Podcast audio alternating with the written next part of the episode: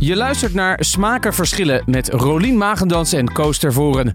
Wiens, ja, smaken verschillen. Goedemorgen, maandagochtend. Fijne maandag. Fijne maandag. maandag alweer. Ja, het is weer maandag. Weekend is voorbij. Ik ga jou even voorstellen. En wat voor weekend trouwens even? Het was kerstweekend. Eh, het is vandaag eh, de maandag na kerstweekend. Dat, dat moet je even... even dus Daarom wel- voel ik me zo belabberd. Het is ook wel balen dat kerst weer in een weekend valt, hè? ik Denk heb een dat- tonnetje rondgegeten. Werknemerskerst. Nee, werkgeverskerst. Ja. Dit is toch balen? Nou, wij zijn ZZP, maakt voor ons niet zo heel veel uit. Jij, voor jou is dit een goed jaar. Omdat mijn werk- medewerkers eh, gewoon werken Ja. tussen kerst en oud en nieuw. Ja. Vijf dagen. Nee, uitstekend ja. Ja. Ja. Dat is toch echt tegen zo lullig, vind ik dit. Oké, maar in ieder geval. Harmen van der Veen. Ik ga je even dus voorstellen en, en kijken wat je allemaal gedaan hebt. Je bent een zeer ervaren podcastmaker. Werkte voor verschillende radiostations. Ik hoorde net al zeven jaar voor Radio Noord-Holland. Ja. Volgens mij om en nabij 10 à 14 jaar voor BNR Nieuwsradio. 13. Wat, 10, 13? 10 à 14? Ja, ik wist 13. niet waar dit. Ja. Ehm, sinds een jaar ben je ZZP'er, podcastmaker. Ja. Je hebt gemaakt Trump's, Trump, Trump's Holland, De Klap van Corona, De Prijs van Zij, Tien Dagen Sint Antonius. Ja. Je maakt nu de, tweede, de, de Binnenkamer. De binnenkamer. Ja. Ja. Ja Die gaat heel goed. Ja, Ja, dat is echt je eigen productie. Zeker, zeker, zeker. Eh, nou, je hebt nog veel meer gemaakt. Want even wat weetjes. Je hebt 2000, 2154 minuten podcast gemaakt. Je hebt 3 53 afleveringen gemaakt en 77 mensen Ja, geïnterviewd. zal ik daar iets over vertellen? Ja, want dit staat op jouw website. Oh, ik dacht, je hebt het zelf uitgerekend. Nee, ik zal heel, dat is gewoon een totale lulkoek. Oké. Ik heb eh, die website gebouwd met een hele leuke gozer. En die, zei, eh, die had dat erin gezet. Eh, en die zei, hier moet je een soort tellertje van maken. Ik zei, ja, dat wil ik wel. Ze zei, ja, maar dat is heel ingewikkeld. dus dat gaan we helemaal niet doen. Dus zet maar gewoon een cijfer neer, dan zet ik het wel op. Dus er staat ook 77 bij. Ja, Dat is een van mijn, mijn, mijn geluksgetal. 77 mensen geïnterviewd. Ja, ik weet het niet. Het klopt niet. Het is niks, sorry. Oh, het, het is, het klonk wel. Het zou, ik, wel, ik dacht namelijk ook, ik wil dit ook. Eh, Maar jij pikt het wel op. ja, geweldig. Dus Ik vind het leuke. we- Ja. Ik zou dit hele leuke weetjes Ja, ik vinden. ga het eraf halen of ik ga het in werking stellen. Want dit kan niet. Dat geef ik nu zo toe. Dit kan niet. Ik, dit is gewoon, eh, gewoon, gewoon. Ik hou me Ja, gewoon nep. Ja, is gewoon nep. Je hebt ons gewoon in het ootje genomen. Ja. Dan wil ik nog één ding zeggen. En een van de statement, statements die je maakt op je website is... er is geen sterker beeld dan geluid. Ja. Als je iets hoort, ga je het pas zien. Ja. Vertel. Ja, ik maak dus de binnenkamer en daarin zet op een gegeven moment de geïnterviewde koffie voor ons. Dan neem ik altijd het koffieautomaat op en dan neem ik ook altijd het apparaatje op wat daar staat. Dat is wel vaak steeds hetzelfde apparaatje, maar toch. De laag gaat eerst open. Ehm, ik, was bij Dylan Jezus. Ehm, daar zat niet heel veel koffiezetgeluiden in overigens. Maar de laag gaat open, het theelepeltje valt, eh, het zakje wordt opengescheurd. Eh, nou, je ruikt de koffie. en dat is gewoon veel sterker dan, eh, dan als je het ziet. Ehm, ja, tegen beeld kan eigenlijk niks op, zou je kunnen zeggen. Maar dat is niet zo. Fantasie is drie keer dat beeld. Het is gewoon, je maakt hem zelf. En daardoor gaan je hersenen, die maken ook allemaal beelden los. Ja, en dan, dan, dan, dan ben je al, al, al, al heel goed bezig. En dat is gewoon, dat is gewoon, dat is gewoon geluid. Ja. Ja. Jij speelt daarmee. Ja. Ehm, heeft elke podcast dat nodig? Nee, zeker niet. Nee, helemaal niet. Maar ehm, ik, een van mijn favoriete podcasts op dit moment is de Vogels Podcast. Dat is Ook heel beeldend. Zeker. En dat door die mannen die altijd ergens zijn. En omdat ze ergens zijn. En ze vertellen er niet eens zo heel veel over. Maar omdat je hoort dat ze er zijn. En een beetje erover vertellen. Ze doen niet eens heel hun best daarvoor. Maak jezelf die beelden. En dan, en dan, ja, dan ben je aan de gang. Terwijl een praatpodcast. Ja, nou, dit dus. ehm, daar kan je. Ik, nou, het, een, het minimale wat we hebben is bijvoorbeeld water inschenken. Of iets wat omvalt of zo. Nou, dat zijn bijna cadeautjes. Maar ik zorg ervoor dat, er- dat er ook echt iets gebeurt. Ja, niet hier. Ik ga niet hier nu geluid maken. Dat is een beetje onzin. Maar als ik ergens ben, dan doet de omgeving ertoe. Locatie doet ertoe. Couleur lokaal. Ja, maar je zou ook een beeldende anekdote kunnen vertellen hier aan tafel. Dat is, dat is, dat is een ander soort techniek. Daarom zijn mensen die een mooie anekdote kunnen vertellen. Die, dat, daar, hou ik, daar hou ik echt van. Mensen hoeven niet knap te zijn. Maar een goede verteller zijn gewoon fantastische mensen. Ja, wie vind jij een goede verteller? Wow. Ja.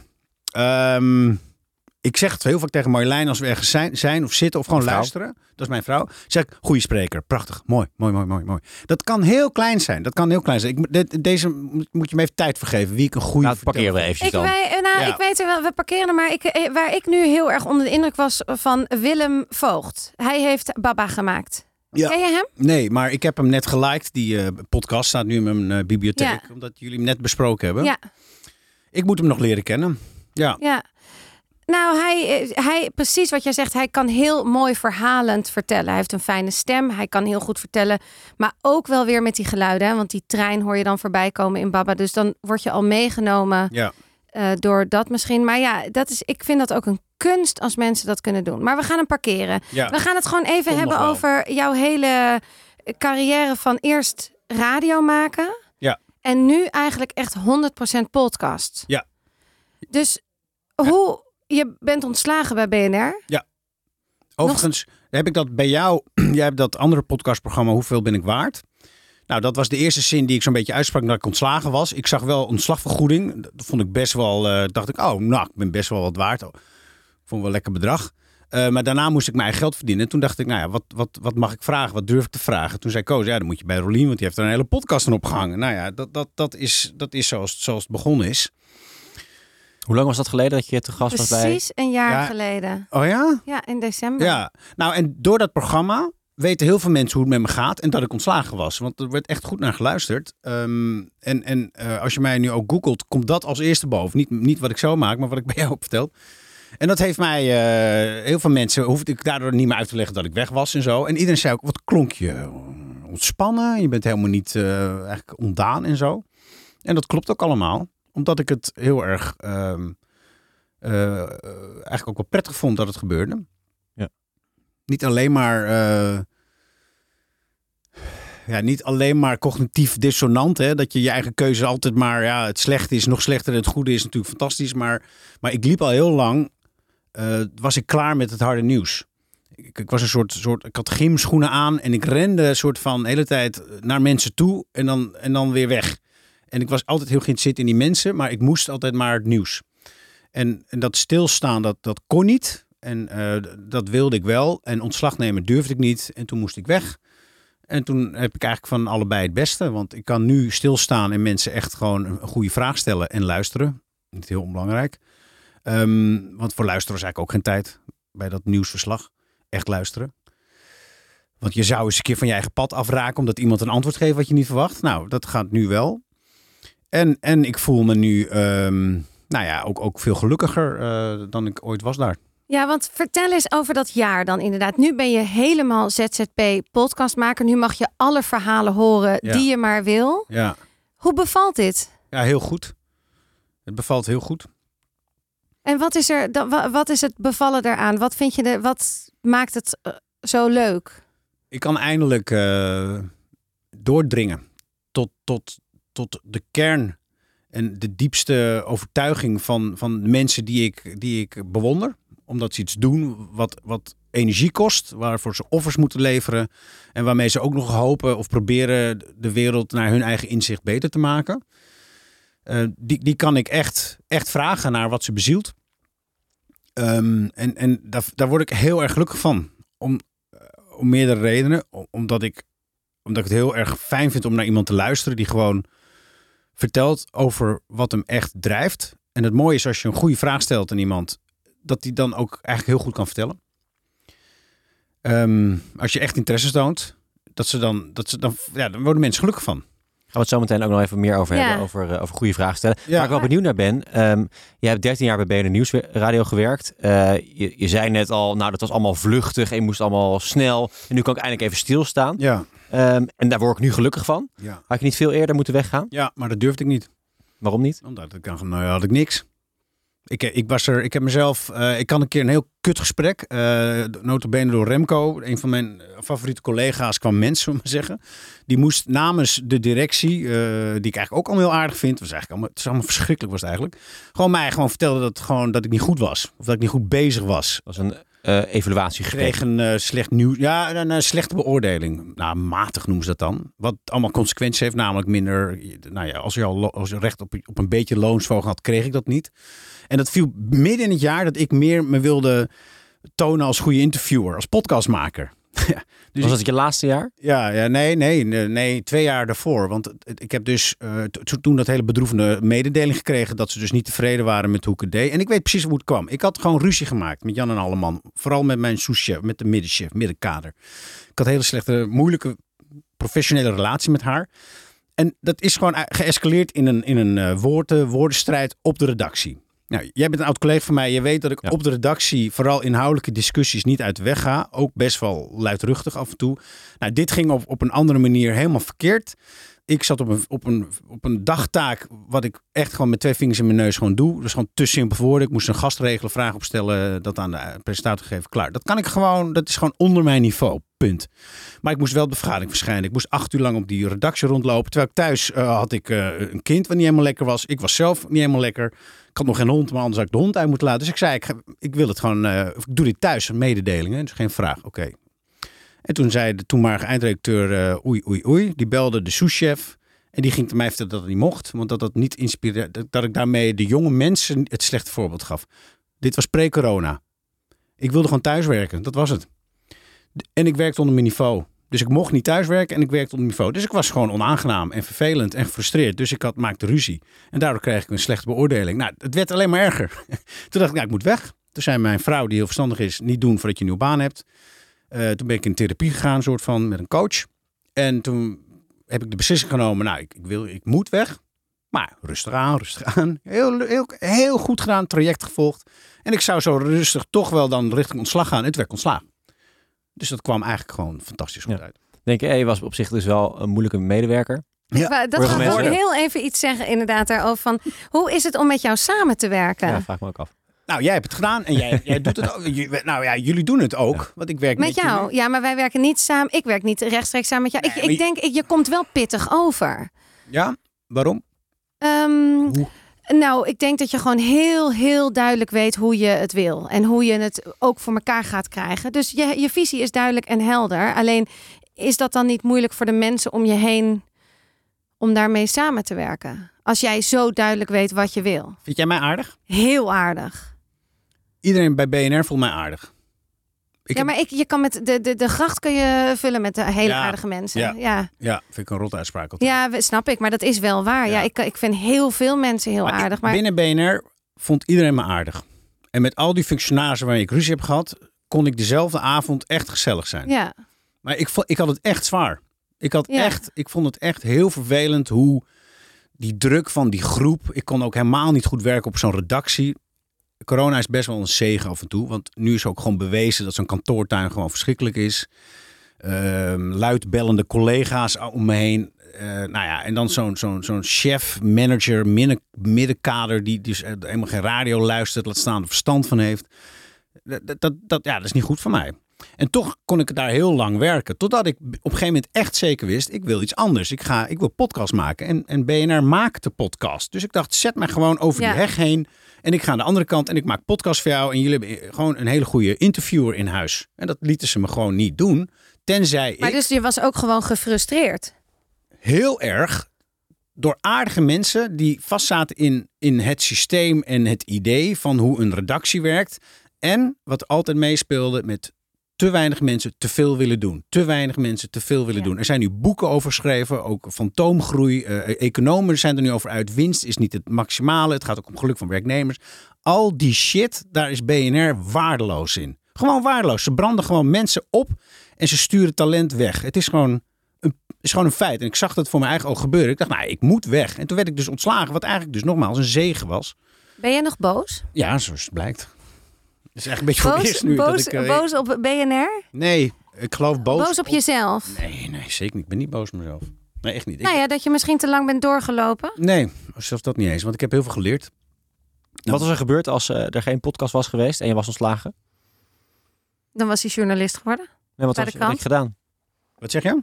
Wat had je gedaan als, Als podcast, niet bestond. Nee, En de podcast, is voor was mij een- ook iets fantastisch. Nee, is, is voor jou een soort van bevrijding geweest. Want je kan nu eh, stilstaan, mooie gesprekken voeren. Ja. Je bent ZZP'er, je hebt je eigen eenmanszaakje. Ja. Je kan hartstikke mooie dingen doen. Ik Maar zou, stel, podcast was er niet geweest Nee, dat zou- en je was ontslagen geweest. Wat was er gebeurd? Oh ja, ja, nou dan had ik bij Ruimte Holland waarschijnlijk gesolliciteerd. Of bij AT5 of zo. En dan was ik daar wel aangenomen. Was je daar gelukkig geweest? Nee. Jij, mo- maar ben jij, ben, jij goed, ben jij goed in alleen werken? Ja.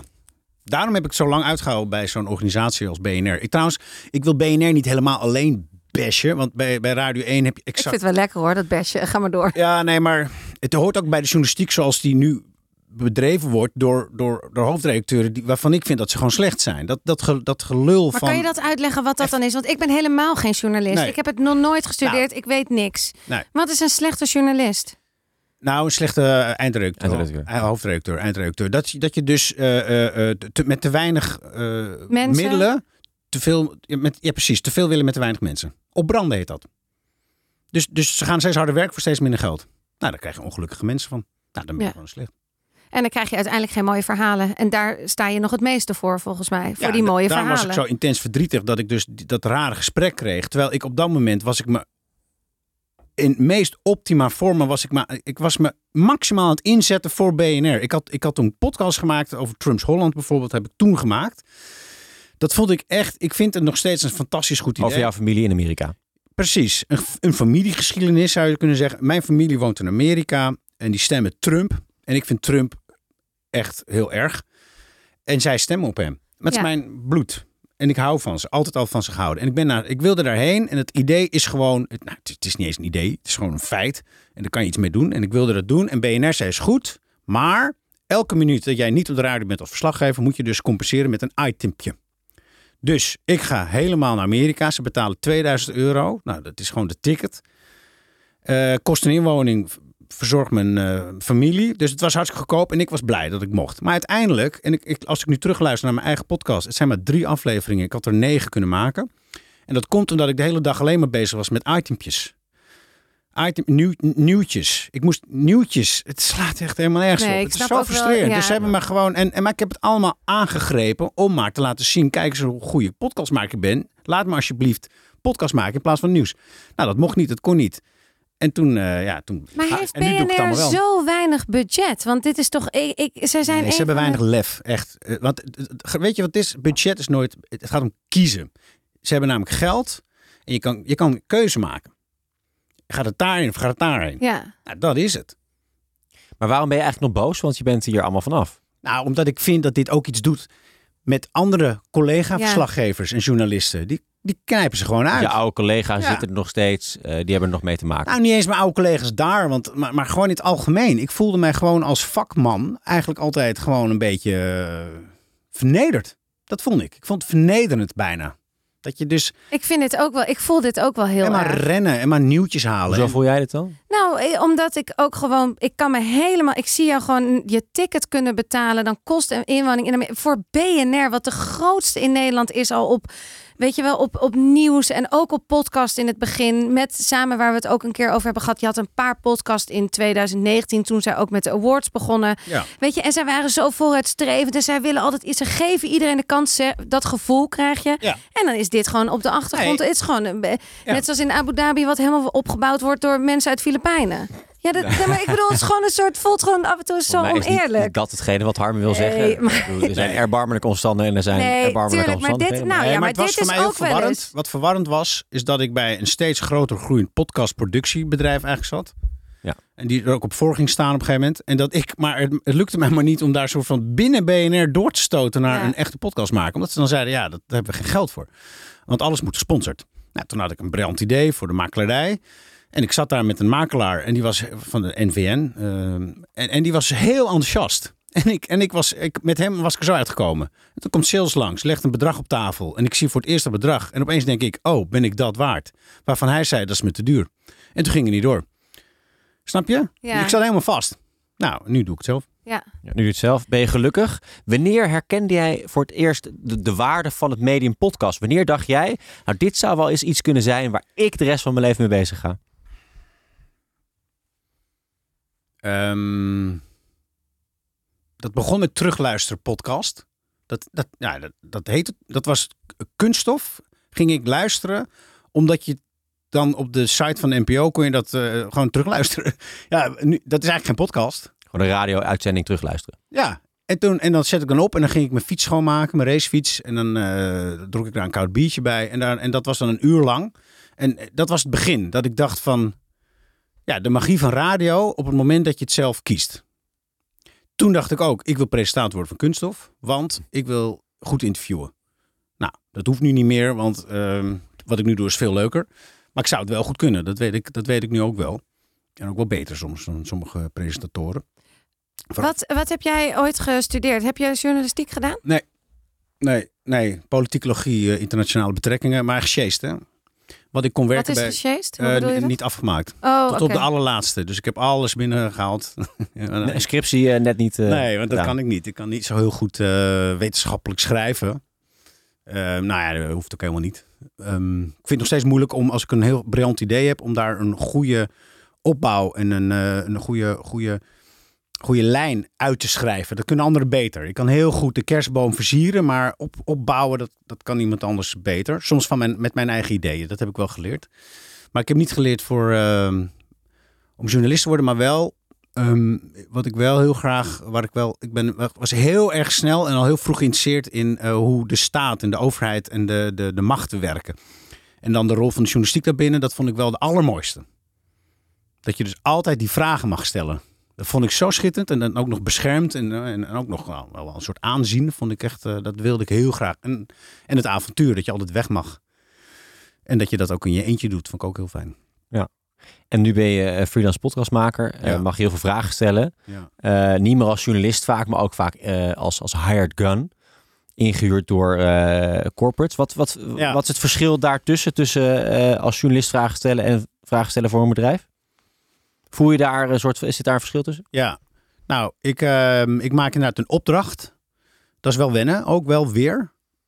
Ehm, want je moet rekening houden met eh, de opdrachtgever.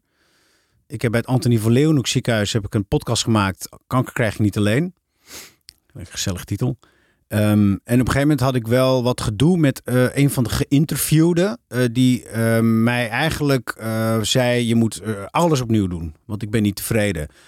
Ehm, en, en toen Niet opdrachtgever, maar degene die je interviewde. ja, ja, ja, ja, ja. En het was mijn opvatting op een gegeven moment, ja, ja nou, stik me erin, dan zend ik er niet uit. Zo belangrijk vond ik het ook weer niet. Het is trouwens, ik vond het wel heel belangrijk, maar ik dacht, ja, dit is. dat- ja, ik doe het niet voor jou. Maar toen kreeg ik wel te horen, nou, zo werkt het niet. Ehm, het gaat niet wat jij er nu eigenlijk van vindt. Het gaat om wat wij ervan vinden als opdrachtgever. Ja. En zij is voor ons ook heel belangrijk. En toen moest, toen moest ik me een beetje schikken. En dat vond ik ook wel een hele wijze les. Dat ik dus eh, inderdaad ehm, ehm, daar, dat, dat nog moest leren. Overigens, alles wat ik heb geleerd bij BNR, bij Radio Holland, ook door het leven in het algemeen, dat, dat, dat pas ik allemaal toe wel in mijn, in mijn podcasterij. Dus, de, dus het echte vragen stellen, het echte interviewen, dat is iets wat ik wel echt geleerd heb. En ook nu, nou ja, voor de langere gesprekken, ook nieuwe dingen ook weer moet leren. Ja, en, en daar wil ik het eigenlijk even Ja. over hebben. Ja. Eh, leuk dat je zelf een bruggetje maakt. Eh, want Ik zag je nou, een beetje stuiteren. jij zei al, Harmen, dat we wel eens samenwerken. Dat klopt inderdaad. Ehm Anthony van Leeuwenhoek hebben we samen gedaan. Eh, politie. Ja. En nu gaan we voor Nationale Nederland iets maken. De Binnenkamer maken we natuurlijk samen.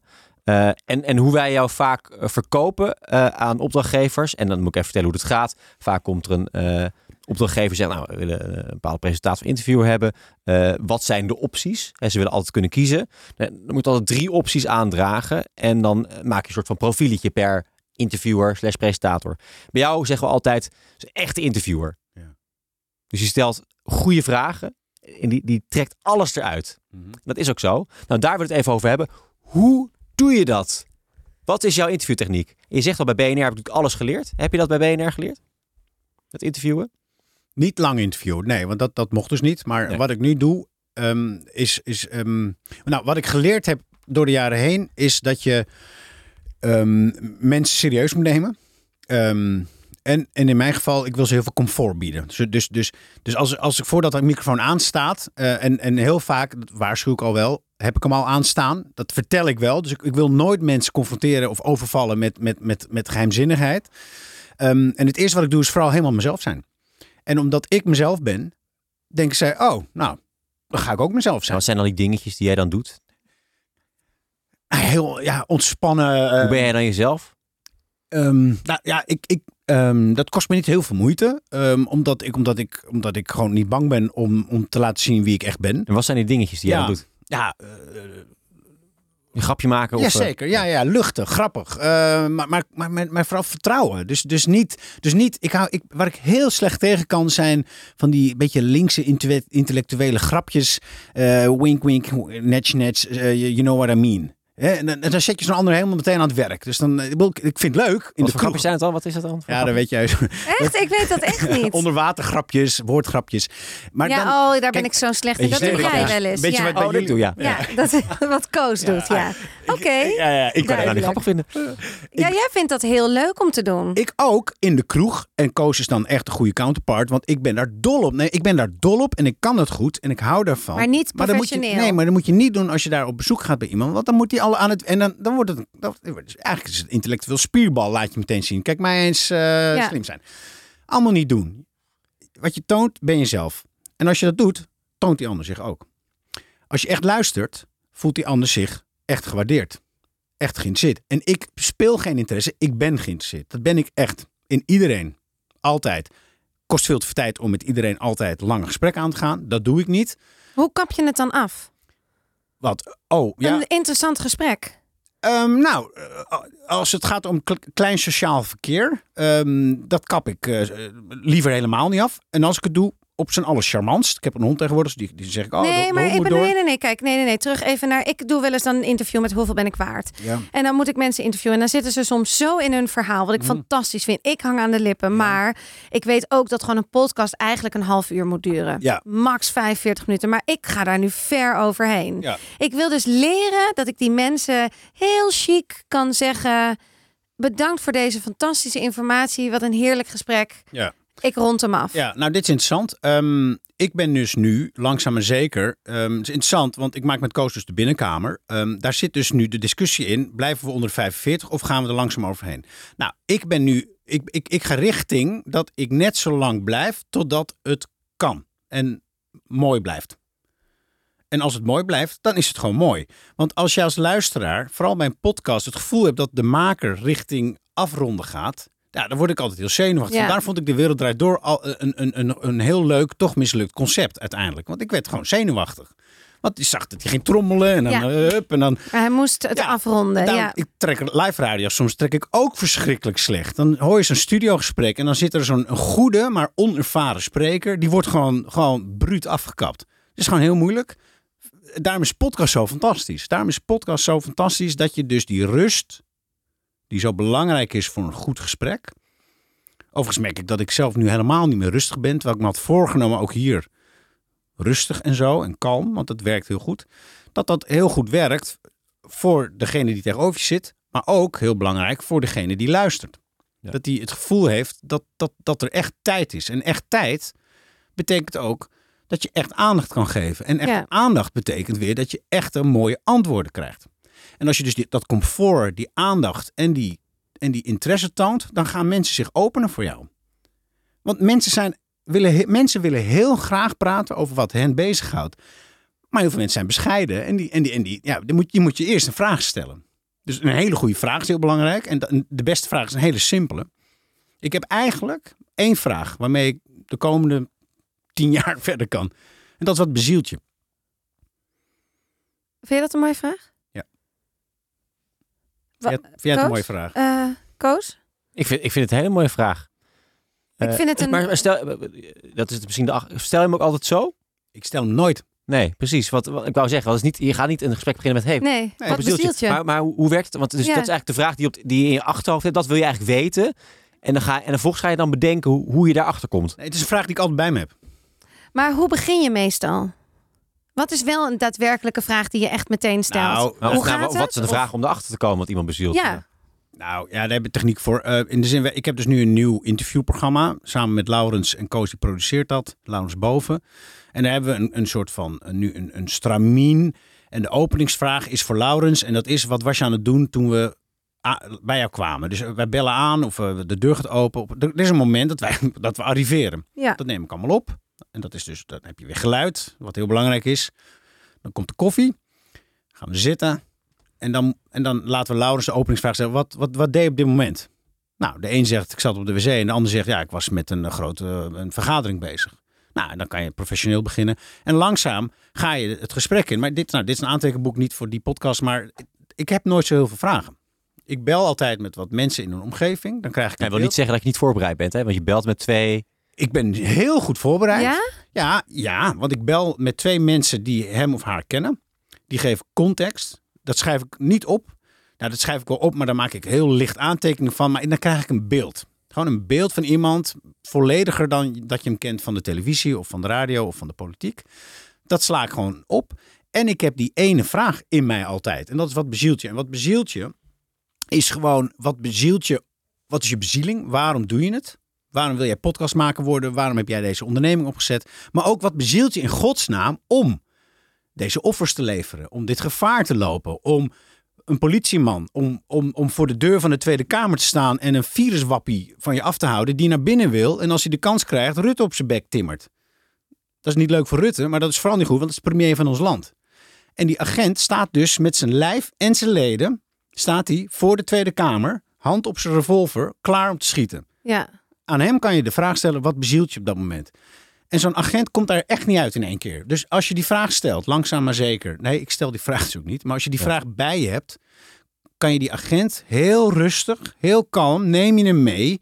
En hij voelt steeds dat ik iets wil van hem. En dat heeft hij in zich. En hij is al 25 jaar agent. En dan wat blijkt, dat nog nooit iemand die eigenlijk die vraag heeft gesteld, laat staan met die intentie. Dus langzaam komt hij op een punt dat hij beseft, ja, wat bezielt me eigenlijk? Wat, het is ook vrij ziek wat ik daar... Weet je, hij zag die beelden terug en hij, gaat helemaal bibberen thuis. Omdat hij beseft welk gevaar hij weer heeft gelopen voor ons als samenleving. Nou, dat, dat is mijn vraag die ik altijd in me heb, die ik niet eens hoef te stellen. Maar dat zet mij gewoon, eh, ja, kan, kan ik alles mee aan eigenlijk. En heb je dit eh, eh, van iemand geleerd of ben je hier achter gekomen? Ja, dat laatste, heel rustig. Ook door heel veel, eh, door, door, door heel, ja, ook bij BNR al, dat ik langzaam besefte. Wat, wat, bij BNR moesten we heel veel CEO's interviewen onder grote druk met een bepaald nieuwsfeit. Toen hadden we Rabobank Libor-schandaal. Onbegrijpelijke materie over onbegrijpelijke fraude op een onbegrijpelijk niveau voor een paar journalisten van het Financieel Dagblad die dat kunnen doorgronden. Ik niet. En toch moest ik daarheen.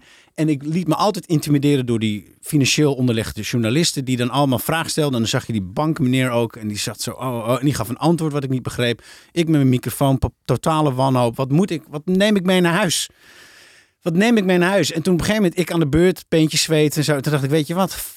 Flikker ook op. Ik ga gewoon vragen. eh, Niet, ja, ik ga gewoon. Wat, wat, wat, wat, doe je? Wat heb je gedaan? En dan ga- hij had kunnen zeggen: eh, bedoel je het Libor-schandaal? Wil je dat even concretiseren? Want dan kan ik al reageren op. Toen dacht ik: nee, dat moet ik ook niet doen. Weet je wat ik ga doen? Ik zeg, ik zeg gewoon tegen hem: dag meneer. Ik zei: in mijn, in mijn broekzak zit een bankpas van jouw bank. Nou, toen liet ik gewoon stil vallen. En dan zie je man ook denk: fuck. En die, eh, en die begint een soort van zijn excuus aan mij te maken. Van oh, oh, ja, ik, ik begrijp dat dat. Nou, briljant gesprek er gebeurde daar iets. Die man ging eindelijk normaal praten. Naar mij als klant. Ehm, en, en we hadden gewoon een gesprek over pijn en over verdriet. En over dat hij zich schaamt. En, eh, en dat haalde alle koppen. Dat stond in het Financieel Dagblad. Ook geestig, hè? Niemand had die vraag gesteld. Ook niet de journalist van het eh, Financieel Dagblad. Nee. Ik was ook, gestuurd Ja. en jouw kop stond boven. de Ik denk ook dat dat wel heel vaak, vind ik soms wel met journalistiek. Nou, ik had het graag gestudeerd of ik had graag, ik wil daar nog heel veel over leren. Maar is dat soms de vragen zo ingewikkeld zijn? ja, maar journalistiek moet je eigenlijk niet studeren. Ik Nee. vind dus, Maar ik, precies als je ben het ik in het je met hebt, je om eens. gewoon, ja. als je geïnteresseerd bent en je hebt het in je, je hoeft ook niet meteen alles te weten, weet je. Als, ja, maar je moet proberen door te dringen tot, dit deed ik voor mijn luisteraar, die, die vraag, maar ik deed het vooral voor mezelf, om mezelf ook Ja. te redden, weet je. Want ik, ik ja, en, en met die zekerheid die ik langzaam daar ook heb opgebouwd, ook bij, bij BNR dan weer, dat ik dan, ik moest iets, een, een onderwerp wat te groot was, maakte ik zo klein tot, dat ene, tot die ene vraag van, nou ja, waarom? Waarom doe je dit? Waarom? Of, maar ook, hoe gaat het met je? Weet je, mensen kunnen, weet je, weet je wat, wat wel eens gebeurt? Dat mensen werken, werken, werken, werken, werken. Journalisten, strijd, macht. Op een gegeven moment iemand zegt, hoe gaat het met je? Nou, wat gebeurt er dan? Wat gebeurt er dan? Nou, en eh, dat, maar Nee, ook nee, stiltes nee, durven maar- te laten nee, maar vallen. wat gebeurt er? Wat, Nou, dan valt er dus een stilte. Iemand gaat Nee, nadenken. Vaak huilen ze. Nou, dit is ja. ongeveer. Nee, nee, nee, ik- nee. Het is niet dat ik dit elke keer heb, maar ik, ik, bedoel, in de, ik bedoel in het leven. Dus iemand heeft een sterfgeval, laten we het zo iets dramatisch meegemaakt. En, en, en, en er gebeurt van alles in het leven. En, en, en de mallenmolen. En op een gegeven moment, soms is er één iemand in zo'n, in zo'n gezelschap die het durft. Die die arm om iemand heen slaat en zegt: Hoe gaat het eigenlijk met je? Weet je, ik vergeet bijna te vragen hoe het met je gaat. En dan breken mensen. Nou, dat is ongeveer waar ik wil beginnen bijna. Ja. En dat kan bij podcast beter dan eh, op, op nieuws, eh, nieuwsverslag. En waarin kan jij jezelf nog ontwikkelen als interviewer? Ja, een hele hoop. Ehm, ehm, ik, ik zou... Nou... Ik zou wel een soort van wat meer combinatie willen tussen eh, wat Isra Meijer durfde en deed. Provoceren. Ja, ja en, maar, en dan, en dan ehm, maar dan wel op mijn manier. Dus, dus, dus ik, ik, ben, ik, ben, ik ben soms wel heel vriendelijk. Ehm, waardoor ik soms wel eens iets terugluister en denk ik, ja, dan heb je twee vriendelijke mensen aan tafel. Weet je, dan volgens mij moet één van deze twee toch wat gemener doen. Ehm, en dat zou ik dan moeten zijn. Ehm, dat, dat moet ik wel leren. Ehm, Ja, waarom? Krijg je dan betere antwoorden? Want je zegt net, ja, door Ja. die ene vraag, wat bezielt je, trek ik eigenlijk alles Nou, uit mensen. En ik, ik, zou zijn dus de mooiste gesprekken. Ja, maar ik zou dus eh, dat, dat, dat, dat, dat, dat durven of willen combineren met toch soms een wat, wat eh, een, een- een licht gemeen dingetje of zo. Dus dat, dat, dat, dat is Voor de juiste personen. Ja, maar ik zit dus nu eerst aan die ene kant. Daar, daar ben ik nu mee bezig om dat zoveel mogelijk mijn best voor te doen. Wie had je in je leven dan een eh, gemene vraag willen stellen? Waarvan je achteraf denkt, nou, ik ben wel iets te lief geweest. Ehm, nou, ik, dat is wel grappig. Ik heb, ik heb ooit, eh, toen ik net begon bij Radio Holland, mijn allereerste politicus die ik interviewde was Ton Hoijmaijers. Ik denk niet dat jij weet wie dit is. Zeg Misschien weet. Koos het ook niet. Nee. Dat is een wethouder hier van de VVD, Amsterdam. Ton Hoijmaijers, Taxi Tom werd hij genoemd. En hij is later is je gewoon gepakt voor fraude. En, eh, en, en hij, heeft gewoon, hij is gewoon veroordeeld ook. Eh, het is gewoon, gewoon een boef. Zo'n type, vroeg jij, een typisch wat bezielt je? Nee, ik was.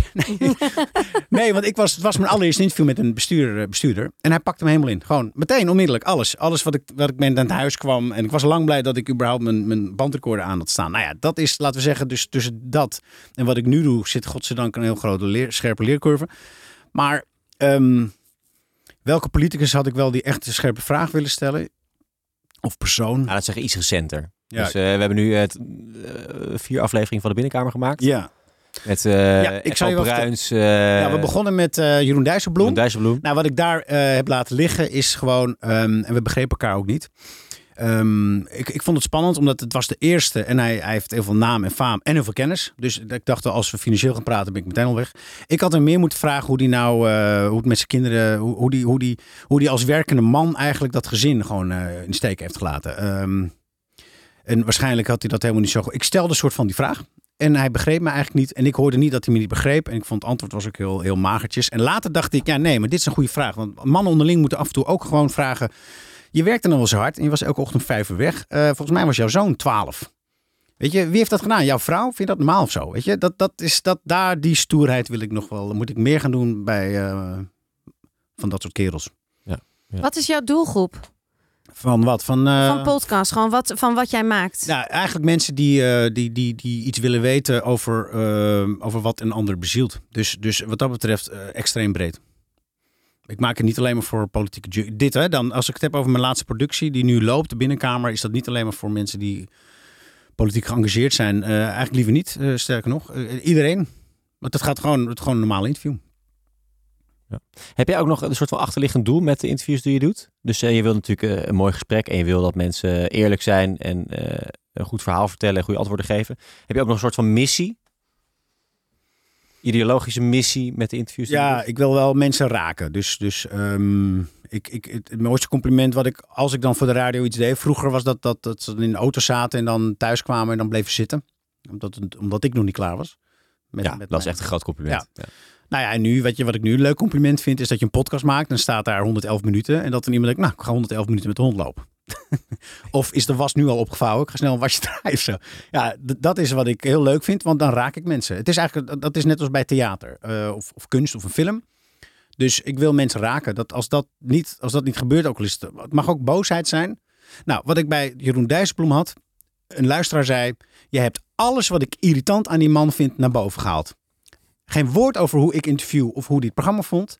Maar hij, was dus, hij ging al helemaal voorbij aan wat, hoe ik het deed. Maar hij, hij eindigde, hij- wat hij mooi vond was wat, hij, wat het hem deed. Nou, dat, dat vind ik een hele mooie. Hoe komen, hoe komen die berichten bij jou binnen? Via de social media nee, dit of was hoe? persoonlijk. Dit zijn mensen die ik ken. Geluisterd, ja. Dit was trouwens eh, Radio 1 verslaggever. die mijn shit luistert. ja. Ja. Dat is ook leuk, hè? Als je dan van een luisteraar dingen terugkrijgt, inderdaad. Ja, ja, jullie hadden laatst een review die niet zo leuk was, hè? Nee, we hebben er zelfs twee gehad die Ja. niet zo leuk waren. Ja, maar maar, ik, nou, maar ik kon mijn fiets ook niet kwijt, want jouw brommer staat er. Ja, ja, Ja. ja. Een dikke het is nog brommer, steeds hè? niet in, eh, helemaal naar Friesland. Er, eh, Maar ik vond dat dus, ik vond dat achteraf, eigenlijk vind ik dat ook dus wel een compliment. Dat je dus de moeite neemt om mij überhaupt wijf te Ja, noemen. ik heb het gelezen. ja. Chapeau. Ja. Eh, ja, ik, ik dacht, oké, wij horen nu bij de Zelfspodcast. Want die krijgen ook alleen maar kritiek. Nou, Nee, kom maar door. Je krijgt mensen in beweging, hè? Ja, En ik vond, het, ik vond het niet eens heel erg on, ongeestig wat hij schreef. ik vond het ook niet ongeestig. Nee, ik vond het wel eh, respectloos, het Zeker. eerste stukje. Maar eh, op de Brommer naar Friesland, Dat ik, was leuk. ik zou wel jou dat willen zien doen, Ja, eigenlijk. zeker. Ja. Ja, maar ik, ik, ik, ik, ik wil dus ook al die reviews. Ik heb er nog maar één van de binnenkamer. Ehm, ik wil ze ook allemaal en ik ben tegelijk ook wel daar bang voor. Omdat je dus ook nou, soms iets heel, heel erg eh, directs hoort of inhoudelijk. Maar dat vind ik nou ook weer leuk aan bestuurders die ik dus interview. Van wat doe je met negatieve kritiek? En als het seksisme is bijvoorbeeld voor vrouwen, dat, dat, dat, ja, dat, dat, dat raakt je. En dat is dus een offer en dat moet je ervoor over hebben. Dus Ja. als jullie dit maken, jij, jullie, dit smaken verschillen. Je toont iets van jezelf. Ehm, je, je maakt een programma, je wilt trots en leuk zijn. En, en je hoopt toch eigenlijk dat mensen gewoon zeggen, schrijven, leuk. Ja, en dan krijg je soms ook iets over je wat minder leuk is. Ja, dat, dat hoort er dan bij. En, dat, en dan moet je bij jezelf dus te raden gaan. Wat doet dat met mij? En dat is wat ik dus van Ischa Meijer dan heb geleerd. Doordat ik ook een goede podcast heb gehoord over hem trouwens. Waarin hij dus blijkbaar altijd op zoek was naar iets waarmee, waarmee hij in het leven niet goed kon omgaan. En dan was hij dus altijd zeer geïnteresseerd in mensen die dat wel konden. Dus allemaal van die overlevingsstrategieën. Nou, dat boeit mij enorm. Ja. Dat boeit mij enorm. Hoe ga je om met slaapgebrek, eh, schuldgevoelens, uitgescholden worden als bestuurder of als journalist? Of Ja. als. eh, En waar kan jij dan niet goed mee omgaan? Nou, ik had dus een nieuw, ik heb een nieuw podcast idee. Heb ik ook een soort boek wil ik weer iets mee doen. Eh, en, ik, en, en mijn allereerste idee schrijf ik dan op, want ik moest uitbellen met een potentiële opdrachtgever. En dat zeg ik dan aan Marjolein, die werkt vandaag thuis, mijn vrouw. Het eerste wat ze zegt is, ja, maar dat duurt toch dan? En, ga, en wat? En eigenlijk gewoon heel opbouwend. En dan ik, meteen geïrriteerd. Ja. Ik, ik ben net begonnen, nu al kritiek. Weet je? En dan zegt ze, oh, kan je niet echt kritiek? Vind je het wel lastig? Ik zeg, zo, oké, ja. Nou, dat vind ik lastig, ja. En hoe vind je dit eerste jaar gegaan als ZZP'er, podcastmaker? Hoe, hoe is dit verlopen? Ook financieel, opdrachten? Ja. Nou, ik heb binnen een half jaar best goed verdiend. En daarna een half jaar niks. Maar eh, voelt het nog steeds oké? Ja. Ja, want je hebt ook ruimte nu om de buitenkamer, de binnen, sorry, ik met mijn buitenkamer, de binnenkamer te maken. Ja, de boven, oh, de bovenkamer. Hoe kom ik er? Is het de bovenkamer hè, van je hoofd? Dat heb jij toen al uitgelegd. Ja. Ja, dit is de ik dacht heel lang Dus de binnenkamer. Ja, nou, daarom dacht ik het, omdat het mijn gevoel altijd, je gaat bij die mensen thuis in de woonkamer zitten. Dus voelt het een beetje als de Ja, binnenkamer. het komt van... uit de christelijke traditie, wist ik eigenlijk ook niet. Maar de binnenkamer, dat is waar de ziel huist. En, dat, en, en waar de ziel huist, dat is waar je dan je connectie hebt met, met de hogere of zo. Dat moet je aan een christen vragen. Ik, ik, ik ben een afvallige. Maar dat schijnt in de christelijke wereld. Dus Gert-Jan Segers wil in onze podcast. Onmiddellijk. Ja. Eh, Hugo de Jonge wil in onze podcast. We krijgen ze allemaal, hè? Sibrand Buma. Ik weet niet of jij dat Je weet. hebt ze echt, eh, ze komen, ze willen, ze ze willen- melden zich aan. Iedereen wil. Mariette Hamer, ze willen allemaal in onze podcast. En weet je waarom? Omdat ik denk, hé, hey, hallo jongen. Fijne vakantie. Ja, thanks. Ja, sorry, moet Hé, hey, Frank komt binnen, ja. Hij gaat namelijk twee weken naar. Ik Heerlijk. het, Ja. Ja. Workation, toch? Workation 10 dagen. Ja. Dus ik, eh, goede vakantie. Goed jongen. Iedereen is hier, we hebben nog een paar pillen. Frank komt binnen. Kompion. Oh ja, hier is eh, lekker aan het... eh, Geweldig. super jongen. Top. Ja, waar, ja ik, we zien elkaar. We zijn je, ben jij hier nog rond de 27e? Nee. Nee, ik ga met hem We gaan wel één keer opnemen. Ja. Oké, nou ja, het, misschien was je erbij. Dag, dankjewel hè, voor alles. hey, eh, ik zie jou dan. eh, wij zien elkaar nog wel, ja. Gaan we doen. Ja. volgende week opnames. Gaan we doen. Rosaar, laat jongen. Even kijken, waar waren we? Binnenkamer, Ja, bovenkamer. Binnen, bovenkamer, je Ja. hart, eh, Ja. je ziel. Iedereen wil bij jullie in de podcast. Ja, en weet je waarom ze allemaal willen? nou, Omdat ze al geluisterd hebben en ze zien en horen dat wij, Laurens en ik, echt geïnteresseerd zijn. Ja. Dat je Echt gewoon iets kan vertellen over wat je bezit. Waar is Laurens nou echt in geïnteresseerd? Nou, weet je, ehm, Laurens is net als ik heel erg geïnteresseerd in wat iemand beweegt, waarom ze het doen. En ook hij had bij BNR daar gewoon wat minder tijd voor. Ja, maar hij is ook wel echt een dossiervreter, hè? iemand van de inhoud. Ja. Hij, hij vindt het ook gewoon interessant om te lezen over hoe Ja, wetten hij- worden gemaakt. Nou, dat hij vindt dingen. macht heel interessant. Ook Eh, dat, en, ja. en strategie. Eh, en hij vermoedt ook overal str- strategie en, en macht. En ehm, ja, ik heb dat veel minder.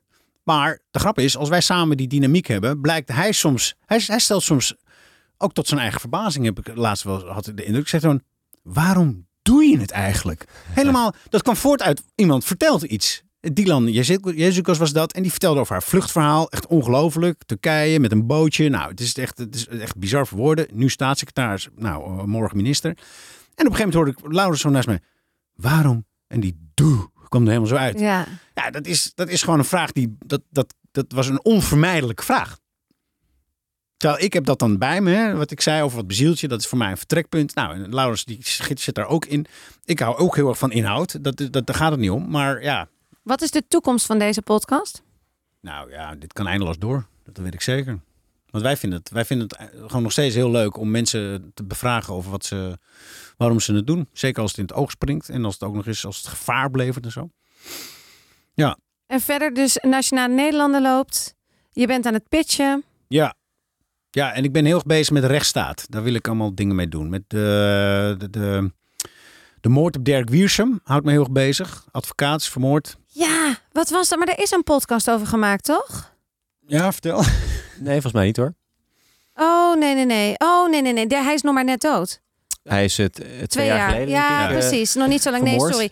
Ik, heb, ik, ik zit ineens met die koor. Nee, dat is die Heineken man. Daar is net die documentaire Maar over weet je waarom het... Het, gaat niet, het, is, het is geen simpele moord. Het is een moordaanslag op de rechtsstaat. Dat zeggen ze dan ook. Dat is, het, dat is, dat is, de, dat is de beeldspraak die we allemaal gebruiken met, het, met, het, met, met de, nou ja, best wel abstracte term rechtsstaat. En ik wil daar, daar gezicht aan geven en verhalen. Wie zijn de mensen van de rechtsstaat? Nou, dat, zijn, dat ben ik dus onder andere ook. En dat zijn wij ook, omdat wij in, in een vrije wereld praten over wat we maar willen. Nou, en hij was het ook. En hij is neergeschoten als een pion vanuit een terreurdaad van een crimineel die de rechtsstaat pijn wil doen. Nou, dat, dat, dat gegeven, dat zet mij aan om hele, hele toffe dingen te gaan maken. Hele mooie dingen over die rechtsstaat. Daar, ja, nou ja, daar ben ik nu mee bezig. Maar en hoe, hoe ziet jouw werkdag er dan uit? Ben je dan echt, eh, duik je dan het internet, eh, of hoe zeg je dat, duik je dan het internet over van, oh, wat is er allemaal voor informatie, boeken in, mensen bellen? Ja, ja, ja, vind ik heerlijk. Ik lees heel veel. Ehm, en, eh, en ik, en ik, eh, ik, lees, heel- ik lees heel veel de krant en alles.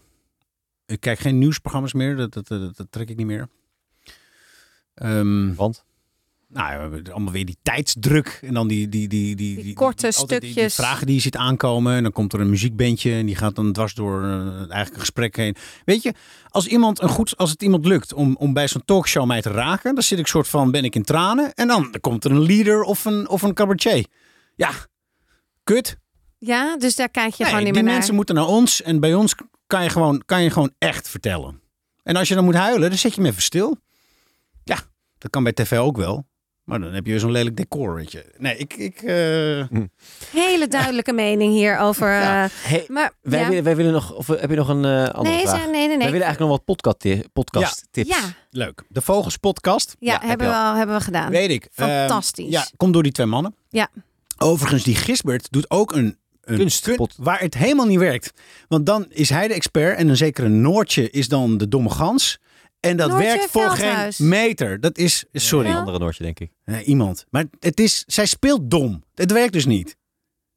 Nou, deze twee mannen is heel leuk. Hij, eh, nou, maakt niet uit, Volgens podcast hebben we al. Ja. Ja, ik, eh, Trumps Holland is van mezelf een beetje gedateerd, maar ik wil heel graag die opnieuw maken. Dat gaat over mijn familie die Trump stemt. Nou, die zitten nu met Biden. Ik volg mijn neef TJ. TJ, eh, die, die, die, die, die retweet alles wat tegen Biden is. En die is ook, ook antifax, vrees ik en zo. Nou, ik moet daarheen. Dus dat, dat wil ik zelf nog een vervolg maken. Maar jij vindt het ook, jij tipt wel iedereen om die. Zullen wij die tippen? aan elkaar? Dat vind ik wel leuk voor de volgende. Ja. Ja. Zeker. Dat vind ik best leuk, maar ik wil echt wel erbij zeggen dat hij. Ik vind hem. ehm, nou, ik ben er heel trots op, maar hij is gewoon nog niet af, eigenlijk. Ja. Maar ja, ja, hij is wel vrij uniek. Je, krijgt, eh, je hoort mijn tante en die is gewoon hardcore eh, republikein en gelovig. En, en, en, en ja, die, die, die, die, als er een school, als er als een, een scholier met een gun een school binnenwandelt, gaat ze bidden. Ja, daar hebben we helemaal geen fuck aan. Je moet gewoon een goede wet schrijven. Nou, en dat, zit, dat is mijn tante. Zitten we samen aan de Oh, ik ben heel benieuwd. Ik wil het wel luisteren. Ja. Nog eentje dan. Nog heel lief. Eh, ik vind Rutger van Kastrikum goed bezig. Ja. Vond ik eh, de grootste engert eh, die er ooit was. eh, met zijn eh, cynische, pound-achtige interviewtechniek. Ehm, Heftig, gewoon hij is- intimiderend. Hij is mijn leeftijd, exact. Dus we, we onze, onze carrière ging een beetje zo gelijk op qua leeftijd en het, het, het landschap binnenkomen. En hij kwam als een guerrilla met dat bizarre, negatieve, sarge kuttoontje voor die rare omroep van geen stijl, wat ik heel moeilijk kan verwerken. Eh, kwetsend, eh, terwijl ik alleen maar ben van eh lief, aardig. Verbinden, Nee, nee, ja. ik ben niet alleen van lief, aardig. Ik ben van, precies, Verbinden. ik ben van ja. gewoon aardig. Nou, en Rutger Kastrikum is helemaal opgedroogd. En, en die, die, die heeft normale interviews. En dat heet De Nacht van Rutger. En hij doet een beetje... eh, nou, hij is denk ik net als mij, net als ik. Zo. Hij is een beetje zoals ik. eh, houdt hij ervan om nu echt eens een, normaal gesprek te voeren. En dat doet hij. Hij heeft ook Jezus, eh Dylan Jezus heeft hij. En het is een, ik, vind, ik, heb, ik heb met plezier geluisterd. Ik heb hem laatst gezien bij ehm, dat programma eh, Boerderij van Dorst. Ja. En daar was hij ook, en daar was hij ook heel sympathiek. Ja. Was hij wel ook pittig, gewoon over zijn gezin. En gewoon, Ja, maar, maar- hij neemt op een leuke manier Ja. nu de ruimte in. Ja, en wat ik dus denk, ik denk dus dat hij geacteerd heeft. En, Daar? In het verleden. Al- ja, In precies, het verleden bedoel je? precies. Ja, ja, ja. En op een gegeven moment werkte dat. En dan komt er ook niet meer vanaf. Nou, ik bedoel, wees maar eens, geef het maar eens toe. Eh, Een hele omroep is er bijna op. Hij is extreem succesvol en invloedrijk. Want ik denk dat heel Pound bestaat omdat hij er was. Gooi het maar eens van je af. Hij doet het. Nou, eh, hij is waarschijnlijk financieel eh, kan hij het dragen. maar hoe dan ook, hij doet het. Dus, en Ja. ik laat me graag verrassen door iemand die ik eigenlijk niet mocht. Ik bedoel, zo is het. Want als hij het goed doet, dan doet hij het goed. En dan verdient hij ook gewoon nu, eh, wat mij betreft, als hij, ik weet niet of hij er wat aan vindt. Maar ik, mijn vrouw is politicus. Ik heb gezegd, jij moet ook naar Rutger Kastrikum. Leuk. Ja. Hij doet ook links, rechts. Hij, hij, hij, iedereen in, hij, hij open vizier. Ja, Complimenten. ik vind dat ook leuk als mensen een open vizier hebben. Ja, en want hij wapende zich met cynisme. En daarom vind Ga ik je dus... ook met Thierry Baudet aan de tafel zitten? Dat is een interessante. Ehm, ik vind dat hij inmiddels fascistisch is. Eh, dat vind ik wel echt een grens. En ik vind dat hij de rechtsstaat eh, eh, aanvalt. Dat vind ik ook wel een grens. Ik, ik denk dat hij strafbare dingen aan het doen is. Eh, dus daar, daar heb ik moeite mee. Maar Ja. voor de rest, weet je wie ik wel interessant vind? Die eh, Bosma. Martin Bosma zou ik wel willen hebben. PVV. Eh Harm Beertema, die is eh, ook PVV. Eh, die bestrijdt mijn vrouw continu. Dat vind ik ook wel interessant, want mijn vrouw is onderwijswethouder. En Harm Beertema, als Marjolein één keer iets doet op Twitter, dan is hij een van de eerste die dat neersabelt. Maar ik heb hem een keer ontmoet face-to-face. Ik vind het een aardige man.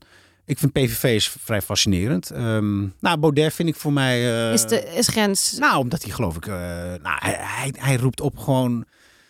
Hij is gewoon fascist. Fuck it, man. Dat we dat meemaken.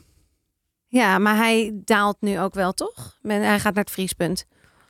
Nou ja, ik, ik weet niet. Ik- ik- ik- misschien wordt hij Is dat een bedreiging, eh, Rodin? Nee, maar hij is toch naar gewoon. ja, maar gewoon dat hij, hij is gewoon. Ik bedoel, mensen, Nee, mensen zijn het toch zat. ja, ik bedoel, eh, eerst had je, zag je toch nog een hele groep die met hem meeging.